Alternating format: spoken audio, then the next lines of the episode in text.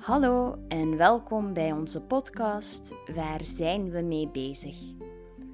In deze podcast praten we over Nederlandse uitdrukkingen. We kijken hoe deze uitdrukkingen passen bij dingen die belangrijk zijn in België en vooral in Vlaanderen. Eerst en vooral wil ik jullie graag bedanken voor het luisteren. Het is echt heel leuk dat mensen van overal ter wereld deze podcast hebben gevonden. En ik vind het geweldig dat je Nederlands leert en meer over België wilt weten. Vandaag praten we over het spreekwoord blaffende honden bijten niet. Dit spreekwoord gebruiken we als mensen veel praten, maar niets doen geen actie ondernemen. Het is een oud spreekwoord, al van de Romeinen. Mensen in veel landen kennen dit spreekwoord. In het Duits zeggen ze bellende honden beißen nicht en in het Frans chien qui aboie ne mord pas. Maar het betekent overal hetzelfde. En dit spreekwoord is niet alleen bekend in Europa. Mensen van over de hele wereld kennen het. Ook in Arabische landen, in China, India en in Japan. Dat is interessant, want je zou denken dat als zoveel mensen dit zeggen, het echt waar is. Maar eigenlijk als we naar honden kijken, zien we dat blaffende honden zeker kunnen bijten. Honden blaffen om veel redenen. Als ze alleen zijn, als ze iets zien bewegen of als ze willen spelen. Maar ze kunnen ook blaffen als ze iemand niet kennen of niet aardig vinden.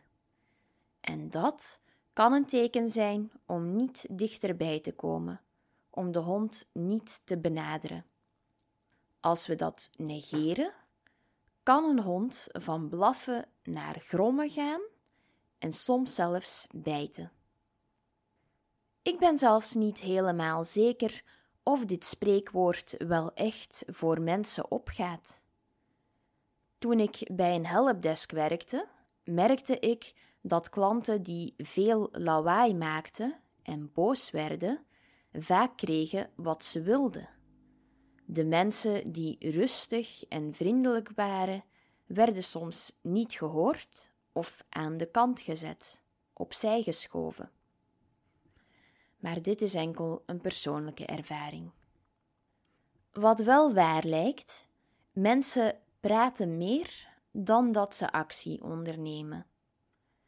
Misschien komt dat omdat ze niet de mogelijkheid hebben om echt iets te veranderen, of omdat iemand hen kalmeert. Ik vraag me dan ook af waarom dit spreekwoord in zoveel talen bekend is en vaak wordt gebruikt. Als we kijken naar de momenten waarop mensen dit spreekwoord gebruiken, lijkt het alsof het vooral bedoeld is om ons gerust te stellen. We zeggen het bijvoorbeeld tegen kinderen die bang zijn voor een blaffende hond, of als iemand op straat heel luid roept. Het is dus niet zozeer dat blaffende honden echt nooit bijten, maar meer dat wij onszelf graag vertellen dat dit zo is. Dit idee dat we onszelf geruststellen door te geloven dat dreigementen meestal niet serieus zijn, is iets wat we wel overal ter wereld zien. Volgens mij is dat de reden waarom dit spreekwoord zo populair is. Deze keer heb ik dus niet echt een duidelijke uitleg die door veel bewijs wordt ondersteund. Wat ik vertel zijn meer mijn eigen ideeën. Als het gaat om echte, harde feiten over dit spreekwoord, tast ik in het duister. Dat betekent dat ik het niet met zekerheid weet. Als jij zelf ideeën of informatie hebt over dit spreekwoord, zou ik het leuk vinden om van je te horen. Je kunt contact met me opnemen via onze nieuwe Facebookpagina. Waar zijn we mee bezig? Slash Intermediate Dutch with Proverbs.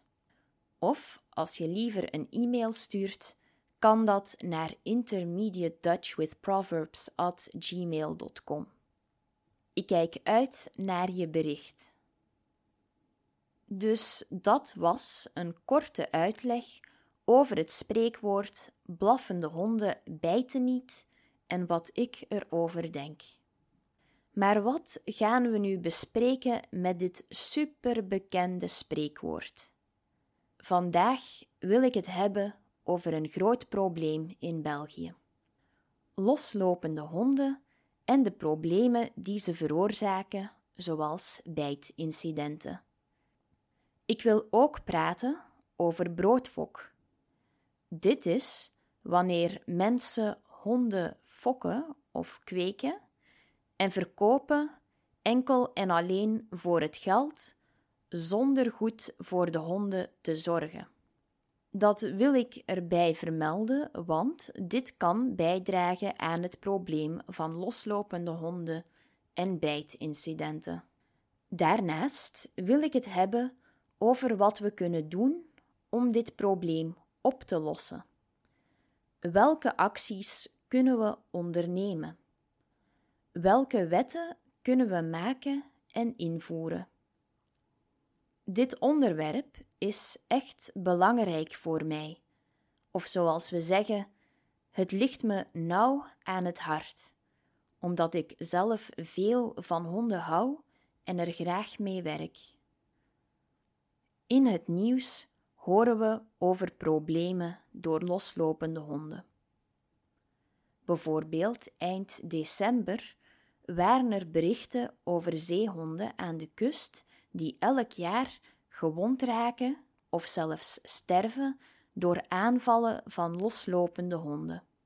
Er was diezelfde maand ook nieuws over een pony die werd doodgebeten.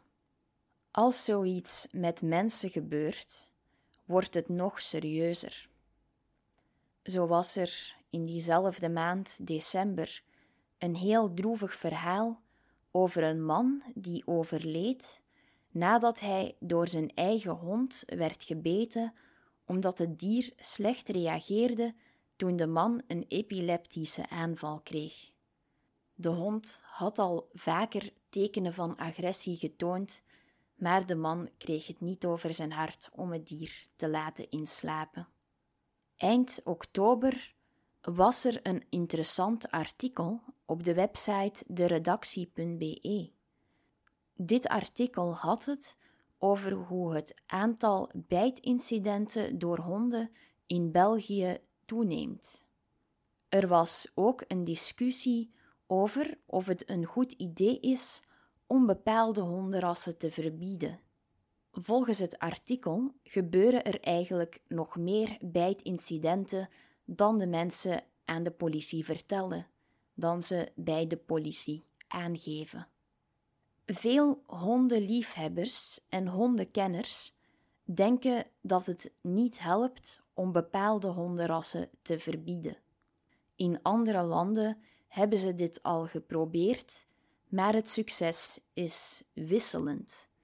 Soms lijkt het te werken, maar andere keren lijkt het niet te helpen. Wat we ook goed moeten beseffen is dat het probleem met loslopende honden en bijtincidenten niet alleen bij bepaalde rassen voorkomt. Kleine honden en honden die veel mensen hebben, de populaire honden, kunnen ook bijten. Maar omdat deze honden minder sterke kaken hebben, zijn de problemen meestal niet zo groot en horen we er minder over tenzij het gaat over kinderen. Vaak wordt gezegd dat het probleem van bijtincidenten met honden komt door de eigenaars van de honden. Wat betekent dit? Dat sommige mensen, de zogenaamd slechte baasjes, het probleem veroorzaken en het moeilijk maken voor andere hondeneigenaars. Toch zijn er dingen die we allemaal kunnen doen om de kans op bijtincidenten kleiner te maken.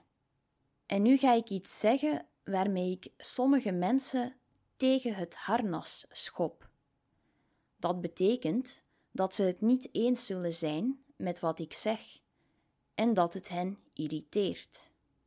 Ik wil daarom ook duidelijk maken dat ik ook niet altijd alles goed doe en dat ik ook moest leren hoe belangrijk deze dingen zijn. Maar verandering begint bij jezelf. Ironisch genoeg verander ik nu zelf een beetje in een blaffende hond die niet bijt, omdat ik zelf geen macht heb om deze veranderingen door te voeren. Maar dit zijn mijn ideeën. Ten eerste, we moeten ervoor zorgen dat onze tuinen goed omheind zijn. Dit betekent dat de hekken of muren rondom de tuin hoog en sterk genoeg moeten zijn, zodat honden niet kunnen ontsnappen. Ik denk dat iedereen het hiermee eens zal zijn, ook al kan het soms duur zijn om zo'n hek te plaatsen. Ten tweede, en deze is iets moeilijker, Kies geen hond die je niet zelf kunt tegenhouden. Ik weet het. Een goed getrainde hond is normaal gesproken niet moeilijk te controleren.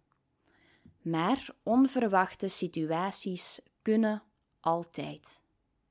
Fysieke controle is dan een laatste optie, een laatste redmiddel.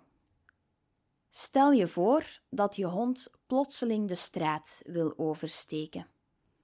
Als je hem dan kunt tegenhouden, kan dat zijn leven redden. Ook kan het voorkomen dat je zelf valt en iets breekt. Voor deze fysieke controle kun je speciale hondentuigjes of harnassen gebruiken. Ten derde, en dit is misschien het moeilijkste, maar het is heel belangrijk. Zorg dat je hond altijd aan een stevige lijn loopt, behalve als je in een omheind hondenveld bent waar honden los mogen lopen. Als je bijvoorbeeld op het strand, in een veld of in het bos bent, kun je een lange lijn of een flexlijn gebruiken. Hiermee kan je hond toch veel bewegen en verkennen. Door je hond aan de lijn te houden, zorg je voor veiligheid voor iedereen en ben je attent voor de mensen die bang zijn van honden. Deze drie zaken zouden al een goed begin zijn. Ze zijn niet erg ingrijpend, dat wil zeggen, ze zijn niet te moeilijk om te doen en ze kosten niet veel moeite. Helaas praten mensen hier niet vaak over.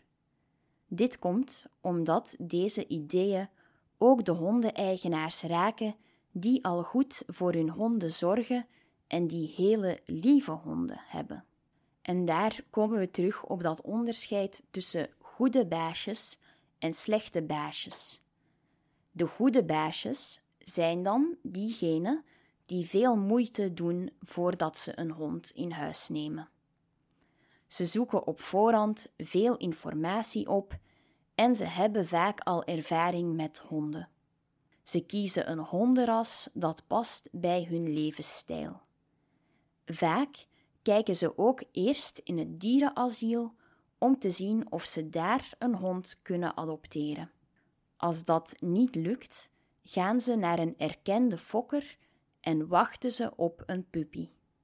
Wanneer de hond er eenmaal is, beginnen ze meteen met trainen. De hond gaat naar de hondenschool en zo wordt de hond een goed opgevoed lid van het gezin. Deze baasjes hebben vaak ook een verzekering voor de hond, voor het geval er iets misgaat. De slechte baasjes daarentegen zijn de mensen die zonder goed na te denken een hond kopen. Het is een impulsieve beslissing. Deze slechte baasjes zien de hond soms als een manier om stoer te doen of indruk te maken op anderen. Deze baasjes trainen hun hond niet goed. Ze leren de hond zelfs om agressief te zijn.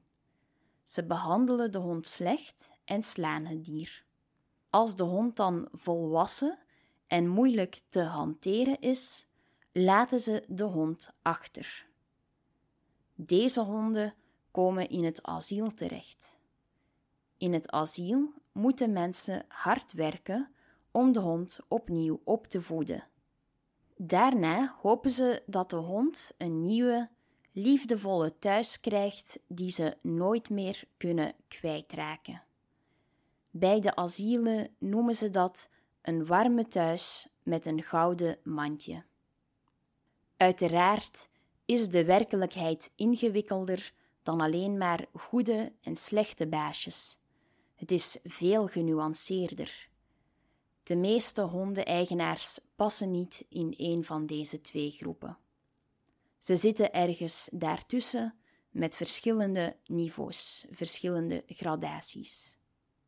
Om het aantal slechte baasjes te verminderen, denken mensen vaak aan twee oplossingen.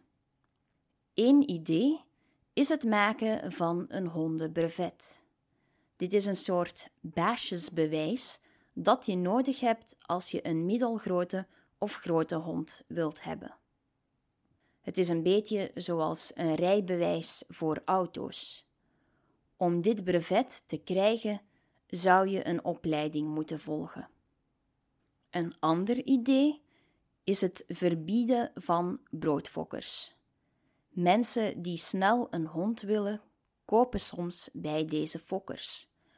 Maar omdat ze impulsief een hond kopen, worden veel van deze honden niet goed opgevoed. Ze eindigen vaak in volle asielen, vooral de sterke rassen en herdershonden. Het controleren van een hondenbrevet kan lastig zijn. En zolang er mensen zijn die snel een hond willen, zullen er broodfokkers blijven bestaan. Toch denk ik dat het mogelijk is om de verkoop van sterke hondenrassen, zoals Staffords of Duitse herders, aan banden te leggen. Iets aan banden leggen betekent dat we iets beperken of onder controle houden. We hoeven deze rassen niet te verbieden, maar we kunnen ervoor zorgen dat ze niet meer verkocht worden door broodfokkers. We kunnen de goede fokkers verplichten om speciale opleidingen te volgen. Dan krijgen ze een hondenkwekersbewijs. Dit betekent dat ze alleen honden van deze rassen mogen verkopen als ze aan strenge regels voldoen. Erkende fokkers hebben vaak ook wachtlijsten. Dus mensen kunnen niet meteen een hond krijgen. Dit kan ook helpen om impulsieve aankopen te voorkomen. Tegelijkertijd moeten we ook onze kinderen leren hoe ze veilig met honden om kunnen gaan. Dit is heel belangrijk voor hun bescherming. Op sommige scholen komen vrijwilligers al met hun hond langs om kinderen te helpen met lezen of om hun sociale vaardigheden te verbeteren. Deze vrijwilligers kunnen ook uitleggen hoe je op een goede manier met honden omgaat. Hier zijn al drie belangrijke tips die we aan kinderen kunnen geven. Tip 1. Kijk een hond nooit direct in de ogen. Kijk weg. Tip 2. Als een hond naar je toe komt, draai je lichaam dan een beetje, zodat je met je zij naar de hond staat. Tip 3. Als je je bedreigd voelt door een hond, bescherm dan je gezicht door je armen ervoor te kruisen. Doe dit alsof je een X maakt met je armen. Nu we bijna aan het einde van deze aflevering zijn, wil ik weer een liedje aanbevelen. Vandaag kies ik voor Afscheid van een vriend van de bekende Vlaamse popgroep Clouseau. Dit liedje is speciaal omdat de zanger, Koen Wouters, het heeft geschreven voor zijn overleden hond. Afscheid van een vriend is in Vlaanderen ook bijzonder omdat het vaak gekozen wordt voor begrafenissen. Een begrafenis is een ceremonie waar we afscheid nemen van iemand die overleden is. Meestal gebeurt deze ceremonie in een kerk. En dat was het dan voor deze aflevering. We hebben gepraat over het spreekwoord blaffende honden bijten niet en of dit eigenlijk wel klopt. We hebben dit spreekwoord verbonden met het probleem van bijtincidenten in ons land en samen nagedacht over mogelijke oplossingen. Aan het einde heb ik ook een paar tips gegeven over wat je moet doen als een hond op je afkomt. Ik zal de bronnen die ik heb gebruikt weer in de show notes zetten. We kunnen verder praten over dit onderwerp op de nieuwe Facebookpagina van Waar zijn we mee bezig? Volg de pagina, doe mee met de discussies en oefen zo je Nederlands nog meer. Tot slot wil ik alleen nog zeggen: dank je wel voor het luisteren en tot de volgende keer.